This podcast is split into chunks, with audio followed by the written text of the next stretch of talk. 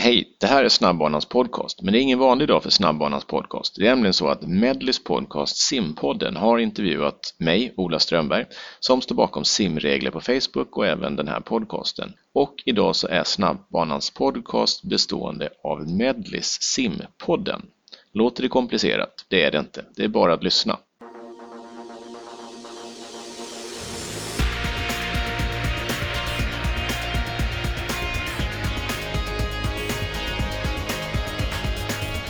Välkommen till Simpodden, en podcast som helt och fullt fokuserar på företeelser i och kring vattnet. Skapad av Medly med mig Hans Albrektsson. Genom intervjuer med intressanta och kunniga personligheter söker vi svar på frågor och reder ut begrepp kopplade till simning, vattenvana, säkerhet och allt som hör därtill.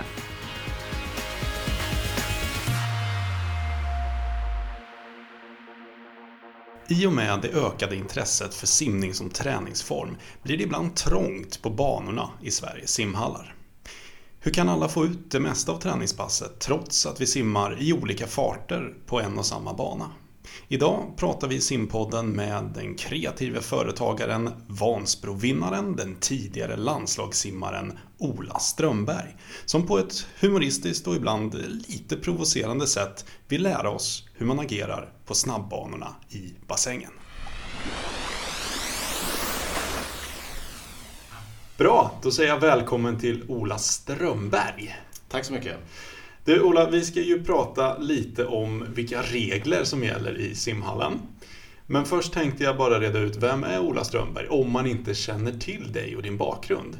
Eh, berätta fritt i 45 sekunder. Ja, jag är en eh, medel, medelålders smålänning som eh, har en simbakgrund.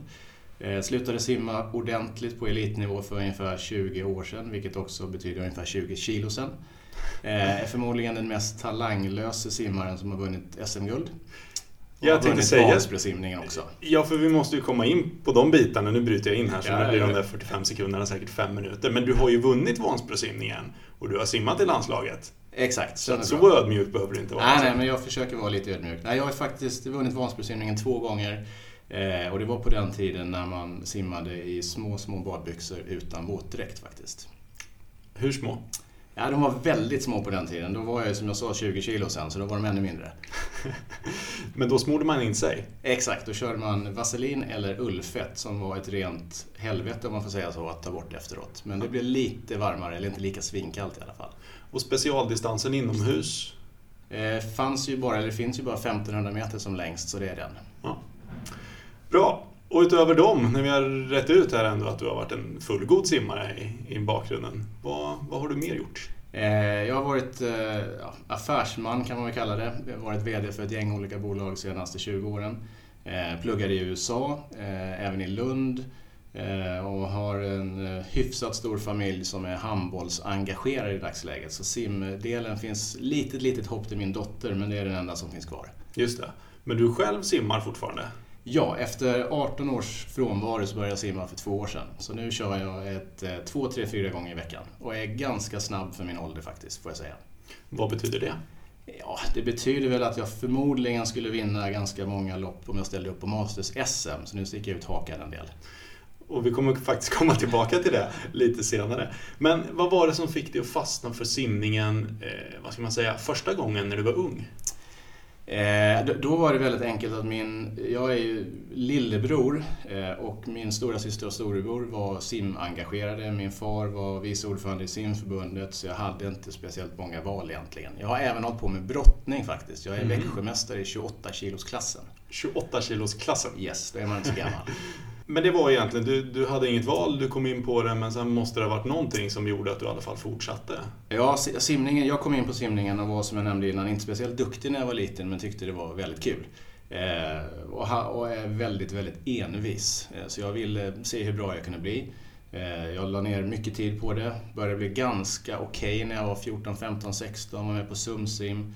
Eh, simmade i Uppsala då, vi hade ett bra gäng. Så jag tror det handlar väldigt mycket om den sociala delen. Vi hade ett jättebra gäng som simmade ihop, lyckades ta några medaljer på junior-SM och sen så flyttade jag ner till Malmö och började träna för en amerikansk coach som är en av de bästa coacherna som har funnits i Sverige som heter Greg Cornell. Just det. Som körde ordentligt hårt. Eh, och jag la ner extremt mycket tid och blev faktiskt ganska bra. Började ta medaljer, vann några SM och fortsatte sen.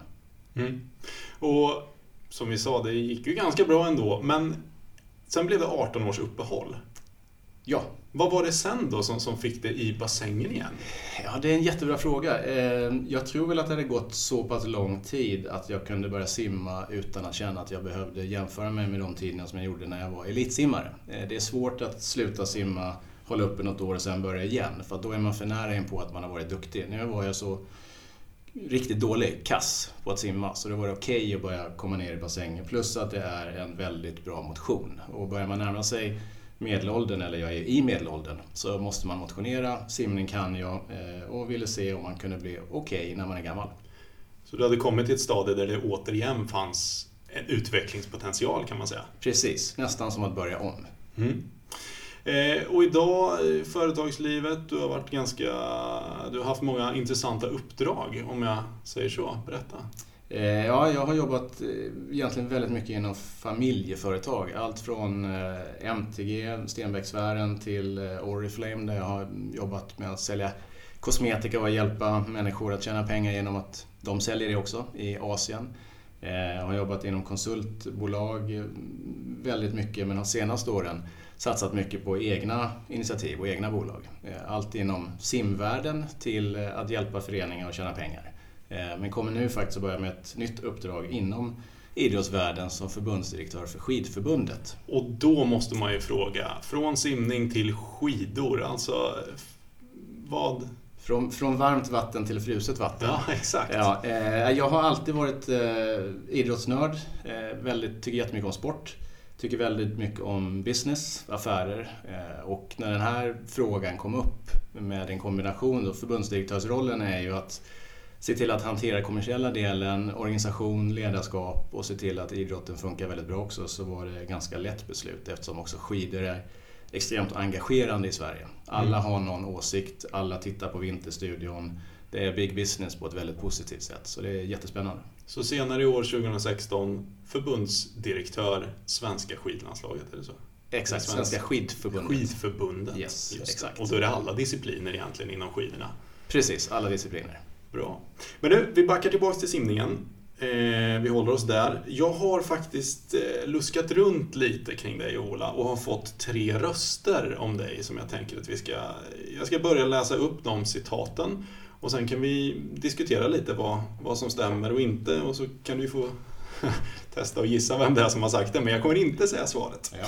Det första lyder Ola är lite som en gubbe i lådan. Han poppar upp lite överallt.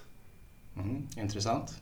Vad, stämmer det? Har du, det känns som att du har mycket engagemang på många olika ställen. Ja, det, det stämmer ju. Och det är väl framförallt de senaste åren när jag bestämde mig för att gå ifrån att vara corporate-snubbe med kostym och slips till att göra det som jag tycker är kul och spännande och man har passion för. Så då har det varit allt från att engagera mig i handbollsklubben fast jag knappt kan kasta en boll. Eh, till att eh, starta en podcast inom simning, till att engagera mig för att se till att svenskar börjar läsa mer digitala böcker. Mm. Så väldigt många olika delar. Ja, det stämmer. Så du är bred? Ja, jag är ganska kreativ mm. skulle jag vilja säga. Så jag tycker om många, många järn i elden. Nästa citat. Ola är kreativ och framgångsrik både i föreningslivet och företagsvärlden. Ibland kan jag önska mig några av hans egenskaper. Ja, det låter som jag har betalt någon för att säga det där.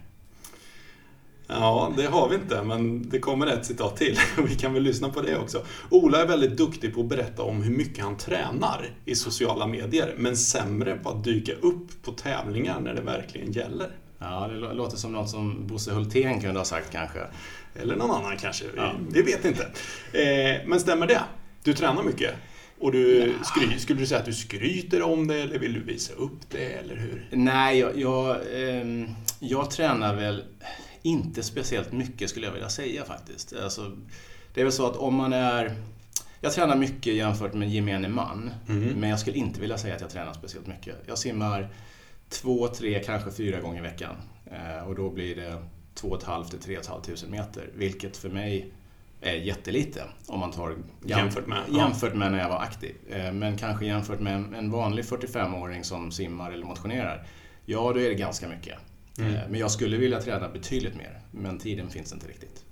Och det här med tävlingar då, att du inte dyker upp. Har du simmat Masters-SM någon gång de senaste? Nej, alltså jag har ingen... De flesta frågar mig när jag... När ska du vara med och tävla? Ska du inte vara med nu? Eftersom jag faktiskt, ödmjukt då säger han, är ganska snabb. Ja. Eh, men jag har ingen ambition av att tävla och visa hur snabbt eller hur långsamt jag simmar. Utan jag tränar faktiskt för att må bra för min egen del och för att simning är jäkligt bra motion. Sen får man se, kanske någon gång tävlar jag men det är absolut inte därför jag tränar.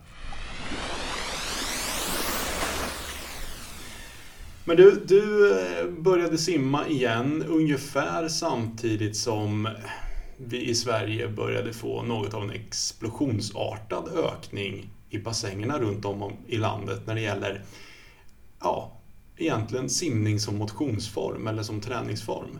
För tidigare, ja, om vi går tillbaks 10-15 år, de som låg i, i, i bassängerna och, och faktiskt eh, tränade, det var eh, någon bröstsimsbana eller två eller tre stycken. Och så låg det kanske någon ensam stackare och, och krålade lite eller simma frisim på, på en av mittenbanorna. Men det där har ju ändrats. Eh, och i samband med att du, du drog igång själv då igen, om jag förstår det rätt, så upptäckte du att eh, det var inte anarki kanske i bassängerna, men nästintill. Du drog igång någonting på Facebook, eh, en grupp som heter Simregler, för att, jag vet inte, kanske lite provocerande, men med en väldigt stor dos humor, eh, försöka lära upp svenska befolkningen hur man agerar på snabbbanan. Kan du inte berätta lite, vad var bakgrunden? Ja, det, det stämmer riktigt bra. Eh, det var ju så att jag, då när jag började simma för två, tre år sedan, så blev jag lite så halvt irriterad ibland när det låg någon som kanske inte borde ligga och simma på den så kallade snabbbanan. Och jag la upp en del post på mina egna sociala kanaler. Eh, och det var tillräckligt många som tyckte att det där borde du göra någonting mer av. För att det är samma problem som vi har och som de som eh, simmar på den här banan och inte vet hur de ska göra kanske borde ha nytta av att lära sig. Eh, så då startade jag igång en liten Facebookgrupp som heter Simregler som nu faktiskt har en 2600-2700 likes eh, och kanske en 100 stycken dislikes som tycker att jag är helt dum i huvudet. Mm. Eh, men som når en 25 000 i veckan och 5% av det som finns där är just simregler. 95% är mer inspiration vad gäller simning med tävlingspass och lite kul bilder och liknande. Men de här simreglerna är ju, en del av dem, är väldigt viktiga. Eh, säger han seriöst. Eh, och det är kanske så här att Lite ser jag det som trafikregler när man kör bil. Man, mm. kan, eh, man kan köra bil i Indonesien och det är fara för livet. Det finns inga regler, eller om de finns så efterlevs de inte. Eller så kan man köra bil i Sverige där det funkar ganska bra. Och snabbbanan, crawlbanan, vad man nu kallar den, det måste finnas lite regler för annars blir det kaos. Folk blir irriterade, och de som inte riktigt vet vilken bana de ska simma på kanske inte ens vågar simma för tänk om jag lägger mig fel, tänk om de börjar skrika på mig. Om de då vet men vad är det som gäller på den där snabba banan så hoppas jag att de tar sig ner till bassängen. För just den här simboomen som du berättade om är ju fantastiskt kul. Att det är så många som simmar. Äntligen har folk fattat att simning är en väldigt bra motionsform. Eh, och sen gäller det bara att det finns tillräckligt mycket banor att motionssimma på. Men det är ju ett, ett annat problem. Mm. Och jag tänker att eh, både du och jag är ju gamla simmare och då har man ju lite koll på när man startar och hur man simmar och vilken bana bör man ligga på och man har lite känsla för hur snabbt man själv simmar jämfört med de andra. Eh, men om vi ponerar nu för att göra det här lite, lite enklare för de som lyssnar att vi går igenom de här reglerna och så tänker vi oss att, att du och jag, vi eh, går till simhallen ihop. Jag är en ganska långsam Eh, simmare som precis har lärt mig att kråla och vad är det jag ska tänka på och vad är det du ska tänka på. Och de här reglerna de finns ju publicerade eh, på den här Facebook-sidan simregler. Så vi går igenom dem och så kan man gå in och titta själv eh, när man har lyssnat klart om, ja, om man håller med eller om man, man har någon annan åsikt om de här. Och det första regeln då som är viktig om man simmar på snabbbanan, det är när startar man?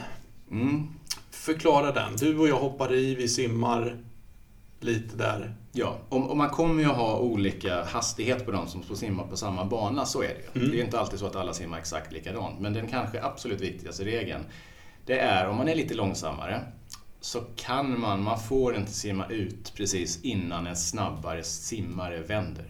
Så om jag står och vilar och så börjar jag känna att ja, men nu är det dags och så kommer du in på en vändning, då ska jag avvakta, låta dig vända först så att jag kan sticka iväg efteråt för att du är snabbare än jag. Precis så är det, för annars kommer du att simma ut, jag kommer simma ikapp dig efter tre meter, börjar killa dig i fötterna, kanske dra dig i fötterna. Ingen bra stämning. Nej, bra. Nästa regel handlar om hur man vilar.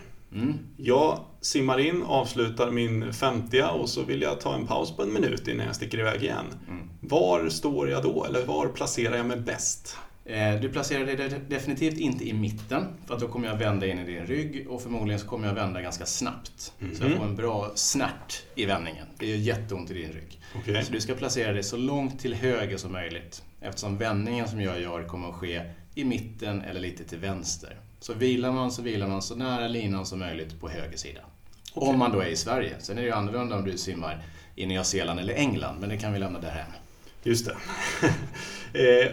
och vi var inne lite på det för den tidigare regeln då, eh, hur jag vilar. Och du som vänder, eller jag som vänder. Eh, jag ska alltså göra det om jag voltvänder eller handvänder på mitten av banan eller till vänster så att jag kan skjuta ut och egentligen bara simma rakt på nästa. Exakt, allt det stämmer förutom en sak som Okej. du sa, och du sa handvändning. Handvändning gör man inte på snabbbanan. Där kan vi nog få lite Ja. kommentarer kanske hur man gör det. Så det är voltvändning som gäller på snabbbanan, det är det du säger? Definitivt. Okej. Ja. Mm. Eh, rundbana eller rakbana? Ja, om man är två på banan så är det väldigt enkelt. Då är det snabbaste simmaren som bestämmer. Okej. Eh, han eller hon säger jag vill köra rakbana, så blir det rakbana. Eh, annars så är det ju alltid eh, rundbana. Och då är det högertrafik som gäller i Sverige. Och rakbana då, rundbana det är när vi är, två eller fler och så snurrar vi runt på högersidan hela tiden. Ja. Rakbana är, Man ligger på sin närmsta, man ligger på en sida av banan hela tiden. Så man håller sig vid samma lina. Så man simmar med linan på höger sida, och sen på vänster sida och höger sida och vänster sida. så man slipper simma om varandra. Precis. Ja, Mm. exakt. Jag förstår. Är det okej att sitta på linorna? Eh, I vissa fall, om man har tävlat på mästerskap, om man har vunnit medalj, kan man sitta på linorna. Eh, om man bara har simmat jättefort på en 75 på träning så får man absolut inte sitta på linorna. Och anledningen till det är att det kan göra jäkligt ont om det är någon som simmar och en lina ligger lite under vattnet eller att linan går sönder och de är svindyra. Mm. Och hur vet jag då om jag är snabb nog för den så kallade snabbbanan eller crawlbanan eller vad det nu står? Ja, det är en jättebra fråga. Nästa, eh, jättebra fråga. Det är nästan den bästa frågan. Och det enklaste är att se att du simmar ungefär lika snabbt som de andra på banan. Eh, och det finns faktiskt eh, vissa bad, till exempel Eriksdalsbadet, som har en skylt där det står blir du omsimmad för ofta, flytta en bana närmare in mot kanten. Eh, Så då vet man, blir jag omsimmad jätteofta, ja men då är nog det här fel bana. Ligger jag ungefär på samma fart som alla andra på banan, då passar det. Så det handlar helt om vilket bad det är, hur dags det är. Så det finns inga tider egentligen som du måste följa. Du måste simma sådär snabbt. Det finns inte. Lite sunt förnuft. Lite, ja, det känns som att alla de här reglerna Ja. är ganska mycket sunt förnuft, men kanske inte helt eh, klara för, för någon som inte har spenderat lika mycket tid i, i en simhall som, som du eller jag. Men det är de viktiga reglerna alltså. Att när man startar, hur man vilar, hur man vänder, kör man rundbana eller rakbana, kan man sitta på linorna, måste man voltvända och hur vet jag om jag är snabb nog? Det skulle du vilja pränta in i Ja, ja men det, exakt. Och det är lite som du säger också, det är ju väldigt mycket sunt förnuft. Eh, och det är inte så att man, som en del kanske tycker, att man är fördömande och tycker att man är lite för mer om man kommunicerar de här reglerna. Utan det här är faktiskt bara för att alla ska få det så behagligt och lätt som möjligt i, i simhallen. Det är enklare för alla om de vet vilka regler som gäller. Mm. Så det här är alltså simreglers eh, inofficiella regler för snabbbanan. Exakt. Och det var de viktiga reglerna. Ja. Sen finns det även eh, lite andra grejer som, som de lärde tvistar om kan man säga. Precis. Eh, och jag har ju lite tolkningsföreträde eftersom det är jag som äger eh, simregler på Facebook. Så eftersom de står där så är det ju de som gäller. Men med en väldigt stor portion humor och en stor glimt i ögat såklart. Såklart. Ja. Eh, och om vi går vidare till de här lite mer ja, mindre viktiga, Ja. eller ännu mer humoristiska Ja. kanske vi ska säga, så frågorna. Så har du skrivit ut, eller man kan läsa på simregler, att man krålar inte, man Mm. simmar frisim. Exakt. Crawl är någonting som barn gör, småbarn, eller militärer. Då crawlar man fram. Eh, I simning så heter det faktiskt frisim. Det heter inte 100 crawl, det heter 100 frisim när man tävlar. Och då måste jag direkt sådär, vi på Medley vi har ju ganska många crawlkurser mm. för, för, från nybörjare upp till mer avancerad nivå. Din åsikt är egentligen att man ska byta namn på dem, stämmer det? Eh, ja, det stämmer. Mm. tar vi med oss det. Sen har jag nästa, ingen benspark på snabbbanan. Ja, och det är av den enkla anledningen att det finns ingen som simmar tillräckligt snabbt benspark för att platsa på snabbbanan. Och när jag säger ingen så är det några få undantag. Kanske Sara Sjöström, kanske gamle medleysimmaren Jan Birderman. Eh, någon till, men väldigt, väldigt få. Klockor.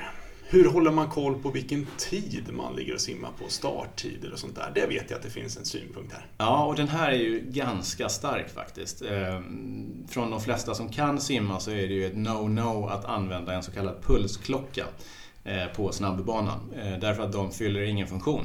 Du har i alla simhallar så har du minst en stor klocka, gärna av märket Västerstrand. Som sitter på som sitter på väggen. Mm. Stor, jättestor klocka.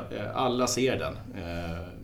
Så den ska man använda. Men det är jättejobbigt att ha en klocka på armen och behöva titta på varje gång. Och pulsmässigt så funkar de inte heller, så det är ingen idé heller. Då är det bättre att du sätter handen mot eh, halsen och mäter i 6 eller 10 sekunder så vet du vilken puls du har. När det gäller glasögonen, eh, ja, vad, vad gäller där? Ja, jag förstår ju att, att en del tycker om att ha jättestora glasögon för att man känner att man ser mer. Och tittar man generellt på open water och triathlonglasögon så är de lite större, mm. lite mer robusta. Men när man simmar i en simhall i en snabbbana, då är det egentligen de gamla Swedish goggles som man ska ha på sig, som man monterar ihop själv och sen så simmar man i dem. Ganska små och anspråkslösa, billiga också. Glasögonen ska täcka ögonen, inte halva ansiktet? Precis så är det. Okej. Okay. Eh, skåpsnyckeln? Runt eh. armen, runt vristen, var har man den? Ja, usch. Eh, den har man inlindad i handduken om man inte har en väska. Eller så har man den i ett fack i väskan. Definitivt inte runt handled eller fotled. Handleden, det är ju farligt. Få en nyckel i ögat när man simmar mot någon. Aj, aj. Har vi badshorts? Eh, om vi simmar på stranden, ja. Om vi simmar på snabbbanan, nej. Har vi bikini? nej, inte på snabbbanan heller. I open water, helt okej. Okay. okay. Ja. Så det är eh, professionell eh, simutrustning helt enkelt. Och det låter ganska billigt det här med. Vi har alltså tagit bort eh, teknologin, vi har tagit bort det mest flashiga och synliga så att säga. Och det är egentligen... Exakt, det är ett par badbyxor, baddräkt, ett par glasögon och kanske en badmössa. That's it. 500 spänn så är du väl utrustad. Ja, där har ni det. 500 spänn, välutrustad och ja, då har vi fått tagit del av simreglerna egentligen och de här inofficiella som Ola Strömberg med kompani har vad ska man säga, tagit fram och även röstat fram till vilka som är mest viktiga. Stämmer bra. Jag har ju tagit fram väldigt många av de här och sen hade jag en eh, liten inofficiell poll där folk då tog fram de här viktigaste sju kan man väl säga. Mm. Det är de som, det här bör man följa och det är även många simhallar faktiskt har hört av sig till mig och frågat kan vi använda de här reglerna, kan vi sätta upp dem vid vår simhall? Eh, det är klart man kan. Tror du att det kommer bli mer och mer vanligt att man behöver faktiskt lära upp besökarna hur man, man hanterar eller hur man, hur man agerar på, på, på banorna i bassängen ju mer folk som kommer? Ja, jag, jag, tror det. Och inte bara besökarna utan även badvaktspersonalen som generellt sett kanske inte engagerar sig jättemycket eh, om man säger det på ett snällt sätt. Utan att de verkligen ser till att jobba också med vem som ska simma var och hjälpa folk. Och förklara för dem att du kanske passar på den här banan och inte på den där och vice versa. Så att badvaktspersonalen jobbar lite mer aktivt. Mm. Det tar vi med oss. Om det är nu någon där ute som lyssnar och tänker att den här Ola Strömberg, han är ju en riktig idiot. Jag kommer fortsätta simma med mina stora glasögon och jag har nyckeln runt, runt armen. Vad, vad säger du då? Nej, men man får ju göra som man vill. Men jag tror för att underlätta så att det blir så trevligt som möjligt på, i simhallarna, då är det bra att följa de viktiga reglerna här faktiskt. För att man vill ju, anledningen till att de här finns är just för att alla ska känna sig komfortabla med att vilja simma och ingen ska vara avskräckt inför att man inte vet hur ska jag hantera det här och jag vågar inte gå till simhallen för att jag vet inte riktigt hur det funkar. Det finns lite vett och etikett eh, och då har man listat det här som gör att alla kommer att tycka att det är mer komfortabelt. Men det viktigaste är att man pratar med varandra. Man kan faktiskt säga till någon att men du simmar på den långsamma banan, kom över på den här. Simma med oss istället. Eller någon som simmar på den snabba banan och kanske inte platsar där om man säger så. Förklara för den personen att ja, men det passar nog bättre för dig och mig att vi splittar på oss. Mm. Men nu lämnar vi de simreglerna och så pratar vi lite mer om eh, din podcast. För du har ju en egen podcast. Du spelar in eh, ett avsnitt i veckan ungefär någonstans där.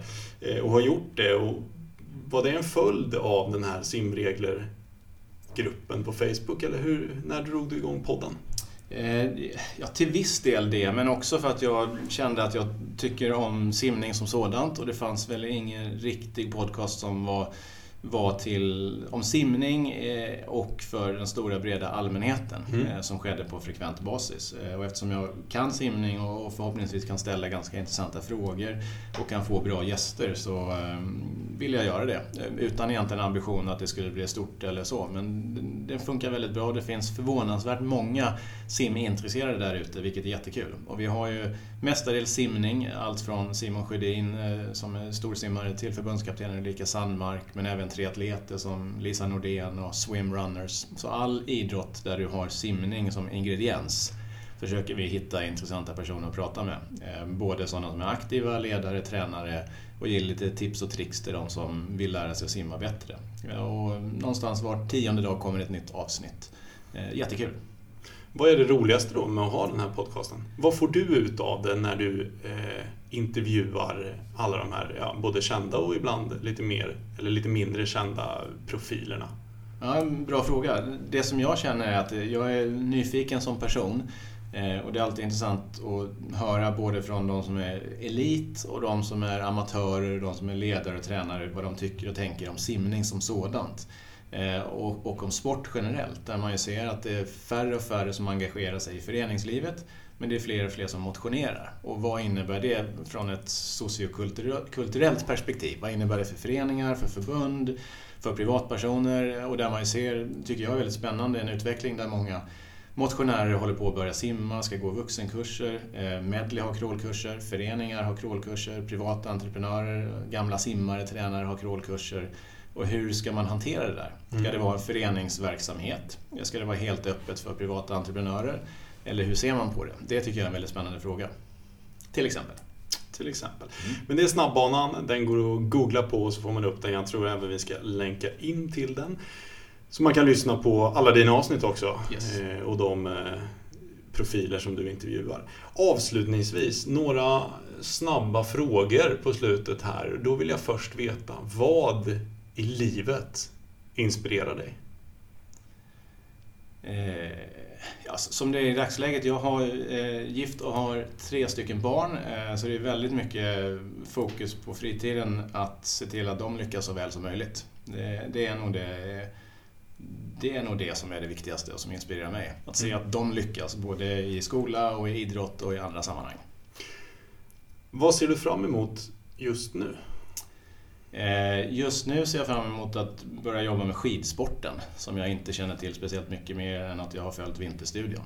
Så det ser jag väldigt mycket fram emot. Då måste jag fråga igen, kommer du hålla kvar det här engagemanget kring simfrågor trots att du börjar som din, i din nya roll på, på, på skidförbundet? Ja, det kommer jag göra. Eh, jag kommer fortsätta engagera mig inom simningen på olika sätt på min fritid. Vilken är din nästa stora fysiska utmaning? Oj, eh, eftersom jag har sagt att jag inte har något intresse av att tävla så kan det inte vara en tävling. Men eh, ja, vad kan det vara? Nej, jag har nog ingen framför mig eh, i dagsläget. Eh, Vansbrosimningen är ju, eh, tycker jag väldigt mycket om. Har simmat den, har vunnit den, så om jag någon gång skulle tävla så känns det som att den ligger i farans riktning. Ja, där har vi svaret då. 2016 års Vansbrosimning, det kommer bli Eller kanske 2017 år. kanske. Se. Avslutningsvis, är det någonting du vill uppmana lyssnarna att göra idag, nu på en gång? Ja, jag tycker att de ska boka in en simkurs så att de kan bli ännu bättre på att simma. Eh, så att de alla platsar på snabbbanan och simma oftare. Simning är jättebra motion. Stort tack för att du var med, Ola Strömberg. Tack så mycket. Vill du veta mer om Ola Strömberg och om de uttalade och outtalade regler han anser bör gälla på Sveriges simhallars snabbbanor? Surfa in på simpodden.se. Här kan du också lyssna på våra tidigare poddavsnitt. Tack för idag, på återhörande!